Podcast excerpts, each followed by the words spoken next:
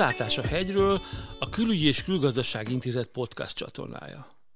Mezei Tibor vagyok, az intézet kutatója, és beszélgetőtársaim Szabó István nagykövet, aki 8 évig képviselte hazánkat Pakisztánban, valamint Salád Gergely, a Külügyi és Külgazdaság Intézet vezető kutatója, valamint a kínai tanszék tanszékvezetője a Pázmány Péter Katolikus Egyetemen. Mai beszélgetésünk során azt fogjuk megvizsgálni, hogy Kína, Pakisztán és India egymáshoz való viszonyát mennyire befolyásolja egyikük, illetve másikuk viszonya a harmadik országhoz. Más szavakkal, például mennyire meghatározó a kínai-indiai kapcsolatokban az, hogy míg az egyik fél Kína kiváló együttműködést folytat Pakisztánnal, addig a másik fél, India viszonya Pakisztánnal igencsak feszültségekkel terhes.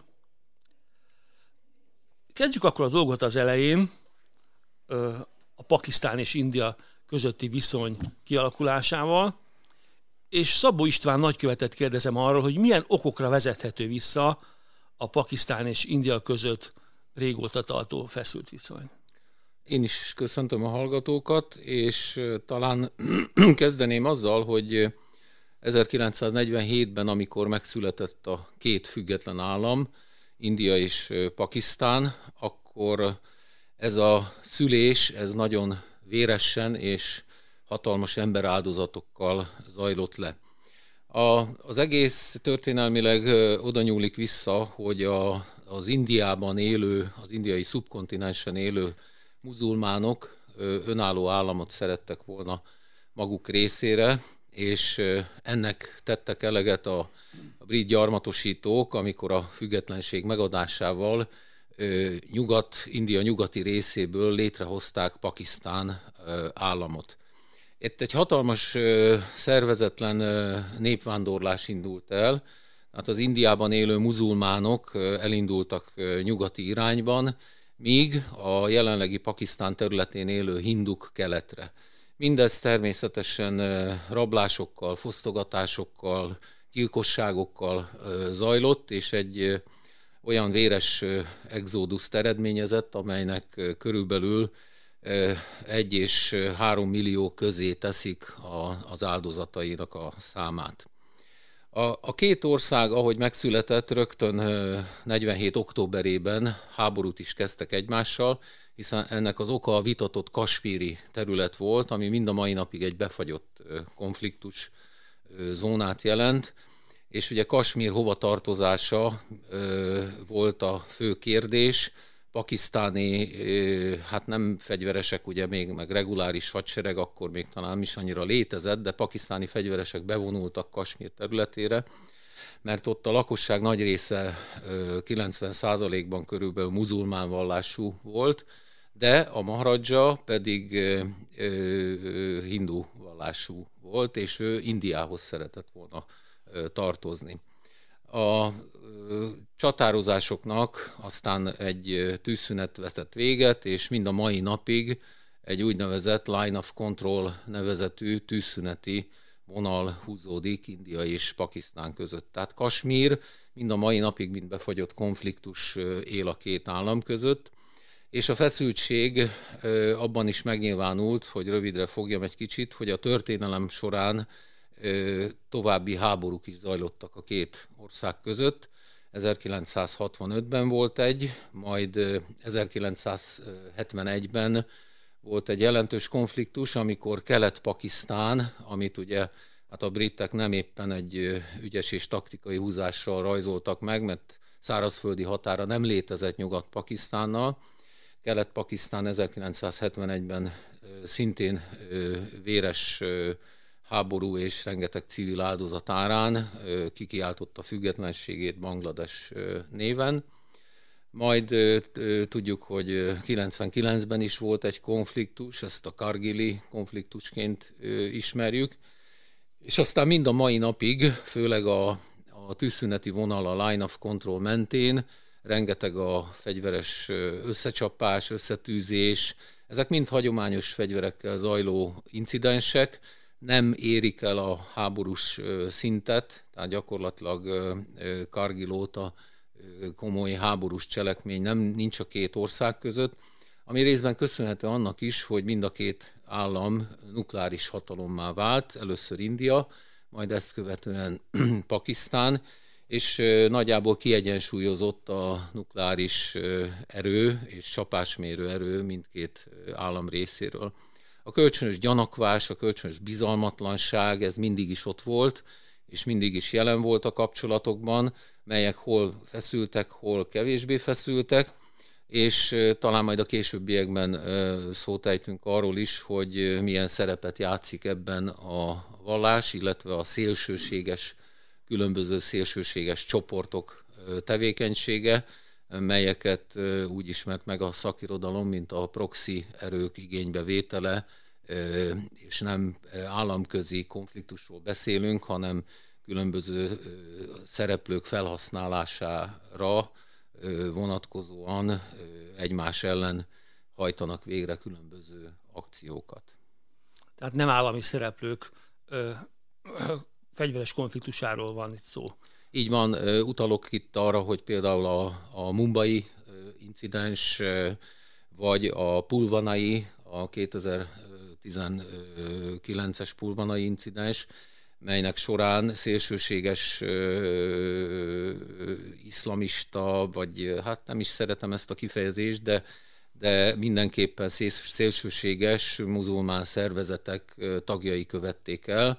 Nyilvánvalóan a pakisztáni titkos szolgálat háttér támogatásával ezeket az akciókat, amelyek aztán komolyabb összeütközésekhez is vezettek, tehát például India légi csapást mért pakisztáni célpontokra, melynek következtében ugye a pakisztáni légvédelem lelőtt egy indiai vadászgépet, ismerjük ezt a sztorit, ez egyébként egy MiG-21-es volt, tehát már egy ilyen oldtimernek minősülő légieszköz, és pilótát a pakisztániak nagy lelkűen másnap szabadon engedték.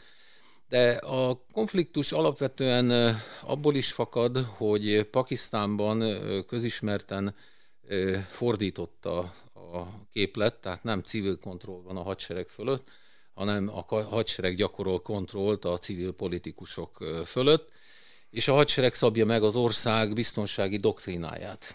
Tehát a, a biztonsági doktrína lényege pedig ugye az ős ellenségtől való félelem, az Indiától való rettegés és a bekerítéstől való félelem. Ez egyébként jellemzi az Afganisztánhoz fűződő viszonyt is, tehát arra is rányomja a bélyegét. Tehát Pakisztán mindenben India kezét látja, ami vele szemben történik, és legyen ez a, az Afganisztánban működő pakisztáni tálibok támogatása, vagy legyen az úgynevezett Belucs felszabadítási hadseregnek nyújtott állítólagos indiai támogatás. De van egy állandó rettegés és félelem ettől az indiai magatartástól, és a hadsereg úgy érzi, hogy ezzel szemben a leghatározottabban fel kell lépni, és hát pakisztáni oldalról is élnek ezekkel a, ezeknek a proxy erőknek a felhasználásával. Akkor ugorjunk most a Himalája másik oldalára. Ez a valóságban nem olyan könnyű, de mi most megtehetjük. És ö, ö, Salát Gergelyt kérdezem azzal kapcsolatban, hogy bár Kína óckodik a, a szövetségesi hálók vagy szervezetek kialakításától, de azt mondanám, hogy ha Pekingnek van egyáltalán hogy szövetséges, akkor, akkor Iszlamabad az. Mi a magyarázat arra, hogy már Mao Zedong idején igencsak baráti kapcsolatot ápolt Kína a kapitalista Pakisztánnal? Mao Zedong is pragmatikus politikát folytatott, tehát eh, ahol az érdekei úgy kívánták, bárkivel hajlandó volt jó kapcsolatokat ápolni, már pedig Pakisztán esetében úgy kívánták elsősorban a stratégiai érdekei, hát Indiának a közelsége. Tehát azért ugye a indiai köztársaság az már a, a népköztársaság, nem a kínai népköztársaság megszületése óta egy hatalmas uh, szomszéd volt, a kínaiak számára, amivel ráadásul problémás határai is voltak. Az egész Tibet kérdésköre, meg, meg, kérdésköre meglehetősen problémás, és hát ott Tibet határvidékén ugye jelentős olyan területek vannak, amelyeket India kontrollál, de Kína igényt ad rájuk, ilyen ugye egész Dél-Tibet, a kínai zsargon ez az, amit ugye a kínaiak Arunachal Pradesnek hívnak, illetve van olyan jelentős terület is, amit a, a jó rész a kínaiak kontrollálnak, de a indiaiak tartanak rá igényt. És ezek a területi problémák, konfliktusok, ezek a kezdettől fogva megvoltak. Itt egész egyszerűen nem voltak rendesen meghúzva a határok, amikor a két független orsz, ország kialakult, és bár kezdetben békés együttműködő kapcsolatra törekedtek, aminek ugye a csúcspontját az 54-es Pancsa Síla megállapodás, a békés egymás mellett él és öt alapelvének az elfogadása jelentette, azért az, az álmos könyv szerint sosem jelent jót, hogyha két nagyhatalom szomszédos és közvetlen határon osztoznak, tehát a, a kínaiak már a kezdettől fogva az, arra játszottak, hogy adott esetben tudják Indiát ellenőr, ellenőrizni vagy ellensúlyozni a határaikon, és hát itt kap, kap kapóra jött nekik Pakisztán, ami ugye nem egy nagyon veszélyes szomszéd Kína számára, hiszen sokkal kisebb, viszont India számára igen, és hát India hátában, Kínából nézve, ugye egy elsőleges veszélyt jelentenek Indiára nézve, és amíg az indiaiak Pakisztánnal vannak elfoglalva, addig se Kínával törődnek, és a kínai határokkal, vagy a kínai határvitával törődnek. Tehát ez a ez a ellenségem ellensége, vagy potenciális ellenségem, potenciális ellensége a barátom alapelve, a kínaiakat egyből a pakisztániak felé fordította. A pakisztániaknak meg természetesen mindenféle nagyhatalmi támogatásra szükségük volt, úgyhogy ők örömmel látták, örömmel fogadták Kínának a partnerségét, segítségét, és tulajdonképpen ez a meglehetősen jó baráti kapcsolat, ugye a ő terminológiai, terminológiájukban a mindenféle időjárásra kiterjedő baráti kapcsolat, ez, ez igazából a, a 60-as évektől fogva töretlen. És valóban ez Kínának tulajdonképpen legstabilabb eh, kapcsolata. Még esetleg Észak-Koreát lehet egyfajta ilyen kvázi szövetségesként eh, felfogni. És ö, ö, mi a véleményed, hogy ö, ha lenne egy mondjuk indiai kínai konfliktus, vagy indiai-pakisztáni konfliktus, akkor mennyire számíthatna ez a két ország egymás segítségére? Tehát most a legtágabb értelemben nem feltétlenül, sőt nem elsősorban katonák küldésére gondolok. Katonai szövetség nincsen közöttük, tehát elvileg, hogyha mondjuk India megtámadná Pakisztánt vagy, vagy Kínát, akkor nem lenne kötelessége a másiknak a segítségére sietni, de politikailag nyilvánvalóan támogatást adna az egyik fél a másiknak. Itt egy, egy meglehetősen bizalmi kapcsolatról van szó. Tehát a, a verebek azt csicsergik, hogy például a pakisztáni atomprogramban a kínai tudósoknak elég fontos szerepük volt, mert fontosabb volt számukra az, hogy Indiát ellensúlyozza egy atomhatalom Pakisztán, mint az, hogy a, az atomtechnológiájuk ne terjedjen tovább. Tehát azért egy nagyon szoros bizalmi kapcsolat van kettőjük között. Azt nyilvánvalóan Kína nem hagyná, hogy Pakisztán egy nagyon mély válsághelyzetbe kerüljön. Most már erre anyagi oka is vannak, hiszen óriási pénzeket, összegeket fektetett be Pakisztánban, ott a Kína-Pakisztán gazdasági folyosó mentén, de hát stratégiailag is hát egy aranyat ér a, a egyik fő riválisomnak, szomszédomnak a hátában egy olyan hát középhatalom, vagy akár nagyhatalomnak is tekinthető Pakisztán, ami kifejezetten ellenséges fele, és amelyet ki lehet játszani adott esetben ellene. Említetted a Kína-Pakisztán folyosót, erről beszélünk egy kicsit bővebben, hogy ez mi is. Ugye 2013-ban hirdette meg a kínai vezetés a Belt and Road Initiative-et, a Egyövezet Egyút kezdeményezést, amely egy nagyon nagyszabású tervprogram, számtalan része van, most leginkább a konnektivitás előmozdítását emelném ki, a gazdasági együttműködés erősítését, nem csak a hát szinte eurázsiai, vagy szinte globális mértékkel. És ugye Kína Pakisztánnak ebben is kiemelt szerepet játszik. Tehát a, a Pakisztán-Kína folyosó az nem csak egy a sok közül, hanem, ha jól sejtem, ez, ez egy nagyon fontos irány a, a, B, a BRI kezdeményezésben. István talán többet tud erről mondani, mert terepen látta a kínaiakat, ahogy ott dolgoznak. Én csak így kívülről szakirodalom, meg híradások alapján tudom azt mondani, hogy ugye ez az övezetés útkezdeményezés, a, a BRI, ez egy hatalmas vízió Eurázsia összeköttetéseinek a, a kiterjesztéséről, aminek a nagy része az továbbra is vízió. A Pakisztán, Kína gazdasági folyosó azon kevés területnek az egyik, ahol tényleg történt előrelépés, ahol tényleg történtek fejlesztések az elmúlt években. Tehát ez, egy, ez a működő része a, a BRI-nek, máshol leginkább csak ilyen MOU-k, meg ígéretek vannak a BRI keretein belül. Ez ugye Kína számára arról szól, hogyha sikerülne Nyugat-Kínát Pakisztánon keresztül összekötni utakkal, vasutakkal, olajvezetékekkel, egyebekkel, a indiai óceánnal, egész konkrétan Gwadar kikötőjével Pakisztánnal, akkor a, azok a kínai szállítmányok, elsősorban olajszállítmányok, de persze mindenről szó van itt, amelyek amúgy kénytelenek átkelni az egész indiai óceánon, megkerülni Indiát, megkerülni indokínai félszigetet, áthajózni a nagyon sérülékeny, a hajósok számára kiszolgáltatott pozíciót jelentő Malakka szoroson, aztán a dél-kínai tengeren, ezt mind meg lehet úszni, mert Gvádár kikötőjéből egyenesen Nyugat-Kínába, Szintjánba lehet szállítani az olajat, meg a, az egyéb nyersanyagokat, illetve a kínai export termékeket, és akkor Gvádárból már rögtön párnapos hajóúttal a, a, a Suezi csatornánál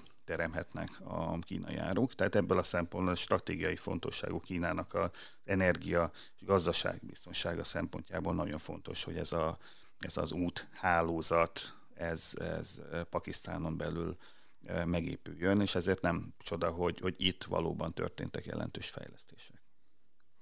Igen, teljes mértékben egyetértek e, Gergely által elmondottakkal, és e, részéről elhangzott az is, hogy Kína nagyon pragmatikus politikát folytat. Ennek a pragmatikus politikának a része volt az, hogy gyakorlatilag Kína Pakisztánra kiterjesztette gazdasági befolyását, és nem csak a, a kínai-pakisztáni gazdasági folyosóban öltesz testet, de nyilván ez szimbolizálja és ez képezi a gerincét a kínai gazdasági térnyerésnek, hanem egyéb területeken is. Pakisztán legnagyobb exportőrei közé tartozik Kína, a pakisztáni hadsereg légierő és haditengerészet egyik legnagyobb beszállítója Kína.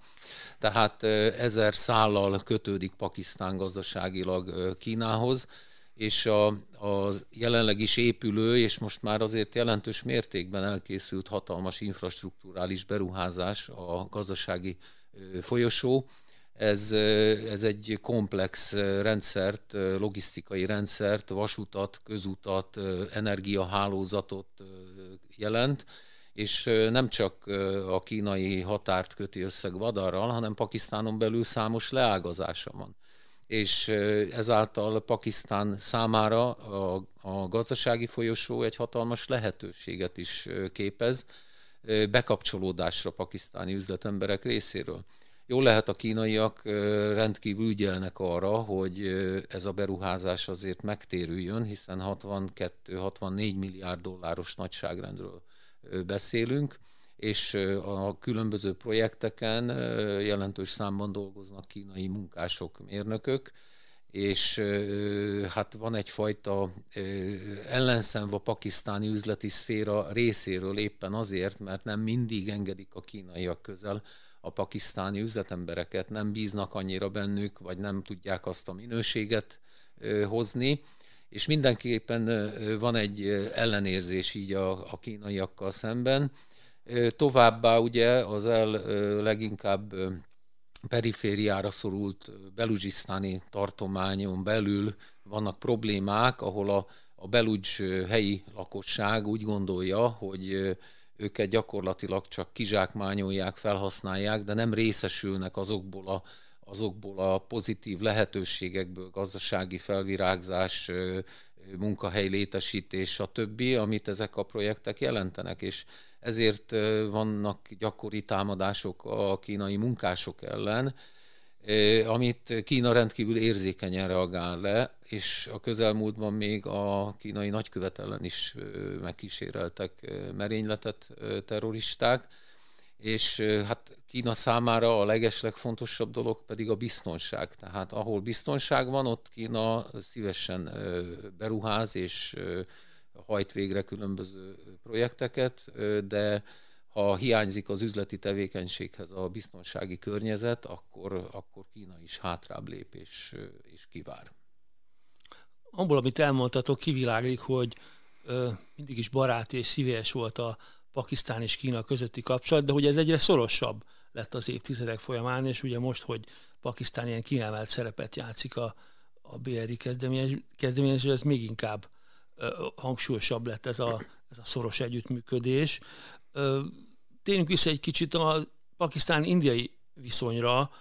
Ugye említetted, hogy ott nem civil kontroll van a hadsereg fölött, hanem katonai kontroll a civil kormányzat között, fölött, bocsánat, és hogy és egyes elemzők szerint a, ez a hadsereg, ami ilyen jelentős politikai befolyással bír, ez kifejezetten ellenérdekelt abban, hogy valamennyire is javuljon a két ország, mármint Pakisztán és India közötti viszony. Tehát, mintha ők a befolyásuk elvesztésétől félnének, hogyha, hogyha javulnának a két oldalú kapcsolatok? Hogy látod ezt? Hát ha nagyon leegyszerűsítve és kiélezett formában fogalmaznám meg az ezzel kapcsolatos véleményt, akkor, akkor a hadsereg hát igencsak keresné a tevékenységi területét, ha kitörne a béke és a nyugalom a, a két ország között. Hát igen, ebben van, van igazság, bár a pakisztáni hivatalos körök mindvégig ezt hevesen cáfolták, hogy a hadsereg érdekelt lenne ebben. Nyilván ezt soha nem fogják nyilvánosan beismerni, de valóban a hadsereg részéről tapasztalható egy olyan magatartás, ami jobban érdekelt, hogy az ellenségképet fenntartsák. És kifejezetten ez a doktrinájuk, a, a bekerítettségtől való félelem és rettegés, és itt térnék rá egy picit Afganisztán kérdésére, hiszen Afganisztán és a pakisztáni kormányzat és az afgán tálibok közötti kapcsolatok története azt bizonyította, hogy tulajdonképpen Afganisztánon belül is folyt egy hatalmas rivalizálás India és Pakisztán között. Ugye, vagy India, igen, India és Pakisztán között, Afganisztánon belül. India körülbelül olyan két milliárd dollár értékben ruházott be infrastruktúrába Afganisztánon belül, még a tálib hatalom átvételt megelőző években, és folytatott kapcsolatokat és együttműködést a hivatalos pakisztáni kabuli kormányjal. Pakisztán ezt nem nézte jó szemmel, és minden erejével igyekezett az indiai befolyást korlátozni, kiszorítani, Afganisztán területéről. Hát erre több oka is volt. Ugye közismert, hogy az afgán tálibok mellett a Pakisztán számára veszélyesebb pakisztáni tálibok tevékenykedtek Afganisztán területén a határmenti törzsi területeken, ez részben pakisztáni terület is volt, és afganisztáni terület is volt, mindaddig, amíg a határvidéket nem lehetett ellenőrizni. A, az afgán talibánnal Pakisztánnak kifejezetten jó volt a, a, a viszonya, és mindig is támogatta, de ez visszamegy egészen a mujahedinek időszakáig, tehát a 79-es szovjet bevonulásig, amikor is az amerikaiak támogatásával pakisztáni területen képezték ki, szerelték fel ezeket a terrorcsoportokat, majd amikor kivonultak a, a szovjetek, és néhány éves kaotikus időszak után 96-ban hatalomra kerültek a tálibok Afganisztánban, és elfoglalták Kabult, akkor gyakorlatilag három állam tartott fenn hivatalos diplomáciai kapcsolatokat az első tálib kormányzattal. Ez Pakisztán volt, az Emirátusok és Szaudarábia. Tehát egyébként az öböl országokról csak egy ilyen háttér megjegyzésként mindig is támogatták a térségben a különböző ö, olyan vallási szervezeteket, amelyek a, a, a Deobandi, a, a Barelvi és a Vahabita ideológiát ö, népszerűsítették, és hát ezek a közismerten szélsőséges iszlám irányzatok, ez Pakisztánon belül is, ez a medreszéken keresztül nyilvánult meg, de az egész térségben. Tehát valóban visszatérve a pakisztáni hadseregre, voltak olyan jogos félelmeik, hogy, hogy hát szárazföldi határokat is megpróbálják biztosítani arra, hogy Pakisztánnak ártsanak egyesek, és az egyesekben ugye mindig Indiát értik, de ugyanígy vonatkozik ez a kikötőkre és a különböző tengeri támaszpontokra, amelyeknél szintén van egy vetélkedés India és Kína között, hogy, és ebben Pakisztán is valahol részes vadár kikötőjével. Tehát lényegében egyetértesz azzal a elemzői megfontolással, hogy a hadsereg inkább arra hajlik, hogy fennmaradjon ez a feszült helyzet Indiával, tehát ellenérdekelt sok szempontból a, a, a normalizálással szemben. Mennyire, hogy gondolkodik erről a pekingi vezetés? Tehát, tehát hogy látod, Kína is érdekelt abban, hogy tulajdonképpen fennmaradjon ez a, ez a feszült viszony Pakisztán és India között? Tehát, hogyha ha Pakisztán meg India békülne, akkor az gyengíteni a, a kínai-pakisztáni kapcsolatokat?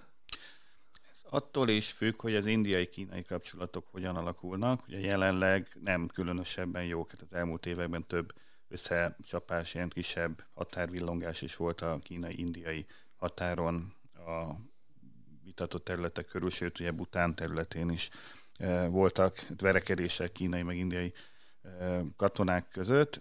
Amíg ez a helyzet nem rendeződik, tehát amíg India és Kína ilyen potenciális ellenfelei, riválisai, ellenségei egymásnak, addig természetesen Kínának az az érdeke, hogy Indiának legyen egy még akutabb ellensége Pakisztán személyében, akivel nem békül ki. Tehát addig érdeke Kínának, hogy a pakisztáni-indiai viszony az ne rendeződjön, mert hogyha rendeződne, akkor ugye India több energiát tudna fordítani a kínai határaira. Viszont összességében nem biztos, hogy az érdeke Kínának, hogy ez az egész közép-ázsiai, belső-ázsiai, dél-ázsiai térség ez instabil legyen. Tehát India alapvetően azt, Kína alapvetően azt a, a, a helyzetet szereti, amikor így nagyjából rendben mennek a dolgok, nagyjából béke van, és lehet bizniszelni. Tehát a, a kínaiak azt szeretik csinálni, amiben ők jók, és ők igazából nem a háborúkban, meg a határvillongásokban, meg egyebekben jók, hanem ők az építkezésekbe, kereskedelembe, befektetésekbe, infrastruktúra fejlesztésbe, ők ugye ezzel igyekeznek területet nyerni, és hát emiatt hosszú távon tulajdonképpen számunkra nem kedvező ez a helyzet, hogy feszültségek vannak a kínai-indiai határon, illetve feszültségek vannak Pakisztán és India között, viszont ezek a feszültségek, ezek nyilvánvalóan azért középtávon legalábbis fenn fognak maradni, ezek igazából megoldhatatlan dolgok, tehát a kínaiak azzal számolnak, hogy kénytelenek együtt élni ezekkel a feszültségekkel, és egy ilyen helyzetben az számukra kedvezőbb, hogyha India és Pakisztán nem borul egymás keblére. De ez nem egy ilyen róka fogta, csuka, csuka fogta róka helyzet, hogy ugye azt mondod, hogy a kínai-indiai viszony függvénye, hogy most Pekingnek mennyire érdekel a, a, a pakisztáni indiai feszültség. Tehát addig India egyáltalán komolyan veheti-e, ugye Kína többször kezdeményezte, hogy üljenek le és tárgyalnak a határól, vagy a határól, határvitáról ne tárgyaljanak, de másról tárgyaljanak. Tehát egyáltalán ebben a két oldal kapcsolatban megteremtődhet -e kellő adagnyi bizalom ahhoz, hogy az indiák komolyan vegyék, hogy ugye a Pakisztán fő támogatója, Kína valóban normalizálnak a helyzetet. Tehát, hogy, hogy India, indiai szempontból ugye a, a fő riválusuk Pakisztán legfőbb támogatójával egyáltalán meddig mehetnek el, amíg ugye ennyire szoros a kínai-pakisztáni kapcsolat. Ezt a dolgot az nem befolyásolná, hogy a kínai-indiai határvitákat rendezzék, tehát a legfőbb tüskét így a kínai-indiai barátság körme alól kihúzzák, hogy ilyen idétlenül fogalmazzák, tehát akár meg is egyezhetnének, és akkor innentől fogva a következő lépés lenne esetleg a, a pakisztáni békülés. Természetesen nem bíznak egymásban. Hát a nagyhatalmak azok senkiben nem bíznak. Nem, azért nagyhatalmak, mert nem bíznak, mondja bárkivel bíztak volna így a történelmük folyamán, akkor így megakad a, a nagyhatalmi felemelkedésük de, de hát az érdekekben azért bízhatnak, vagy abban, hogy a másik racionálisan képviseli a saját érdekeit, és hát a, a helyzet az az, hogy a, a kínaiak számára nem India az első számú rivális, és nem az indiai határvita az a probléma, amit mindenképpen most azonnal rendezni akar. Tehát nem emiatt vannak álmatlan éjszakái Xi Jinpingnek, hanem Kínának alapvetően már az USA-val, illetve az USA szövetségi rendszerével vannak a kő, fő konfliktusai, és ezekben a, a konfliktusokban Kínának igazából előnyös lenne, hogyha a hátországát és a szárazföldi határait azt biztosítva láthatná.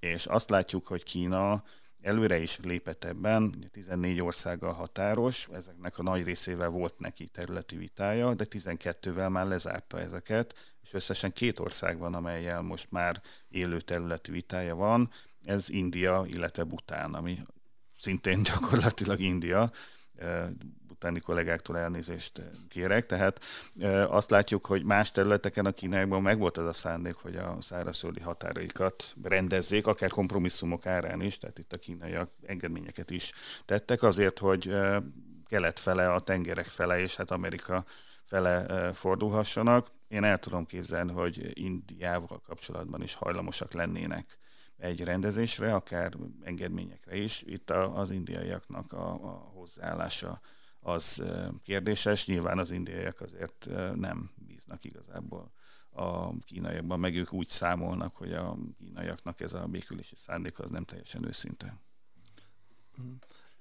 Ez kiegészítésképpen annyit, hogy gyakorlatilag India, illetve Kína attól nem rettek, hogy Pakisztán és India között hirtelen valami baráti viszony létesülne, tehát tisztában vannak azzal, hogy ez egy történelmileg rendkívül feszült viszony, aminek a rendezéséhez nagyon sok lépésre, nagyon sok kompromisszumra és hosszú időre van szükség. És ugyanakkor Kína számára valóban a biztonság a legfontosabb ahhoz, hogy gazdasági, üzleti, kereskedelmi tevékenységet folytasson. És például a kaspiri kérdésben Kína mindig nagyon óvatosan nyilvánul meg, és soha nincs az, hogy teljes egészében, teljes melszélességgel kiáll Pakisztán mellett, hanem a két felet felszólítja, hogy békésen rendezzék ezt a problémát, és nem egyszer hivatkozik az ENSZ korábbi határozataira és rendezési elképzeléseire, melyek alapul szolgálhattak a probléma rendezéséhez. Tehát olyan nincs, hogy Kína egyértelműen feketén-fehéren Pakisztán mellett tenné le a voksot ebben a kérdésben. Visszatérve, megint a Himaláján átugrunk Pakisztánba, Pekingből Iszlamabadba, tehát említetted, hogy a hadseregben jelentős erők ellenérdekeltek a Indiával való viszony rendezésében. Nyilván vannak olyan politikai erők is, akik erre a vonatra felszállnak, és szintén sütögetik a pecsenyüket. Tehát ez a, ez a leginkább indiellenes politikai erő Pakisztánban mennyire érzi magát mennyire érzi magát támogatva még inkább azzal, hogy ugye Kína, mint India egyik fő riválisa, őket támogatja. Tehát, hogy mennyire számottevő szerinted az, hogy mennyire bátorítja még inkább a indiai India ellenes pakisztán erőket az, hogy Kínát maguk mögött tudják. Mennyire fontos tényező ez szerinted?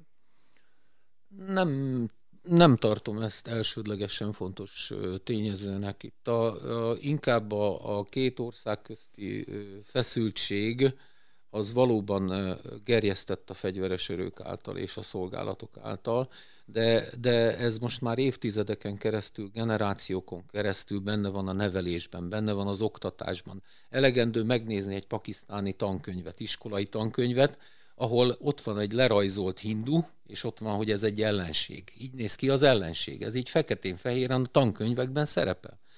E, tehát generációk nőttek fel, és én nagyon sok pakisztáni értelmiségével beszéltem, akik művelt emberek és tisztában vannak a realitásokkal, tisztában vannak azokkal a nagyhatalmi érdekekkel, amelyek ebben a térségben ütköznek, és időnként felhasználják az itt lévő államokat, kicsiket, nagyokat a saját céljaik érdekében.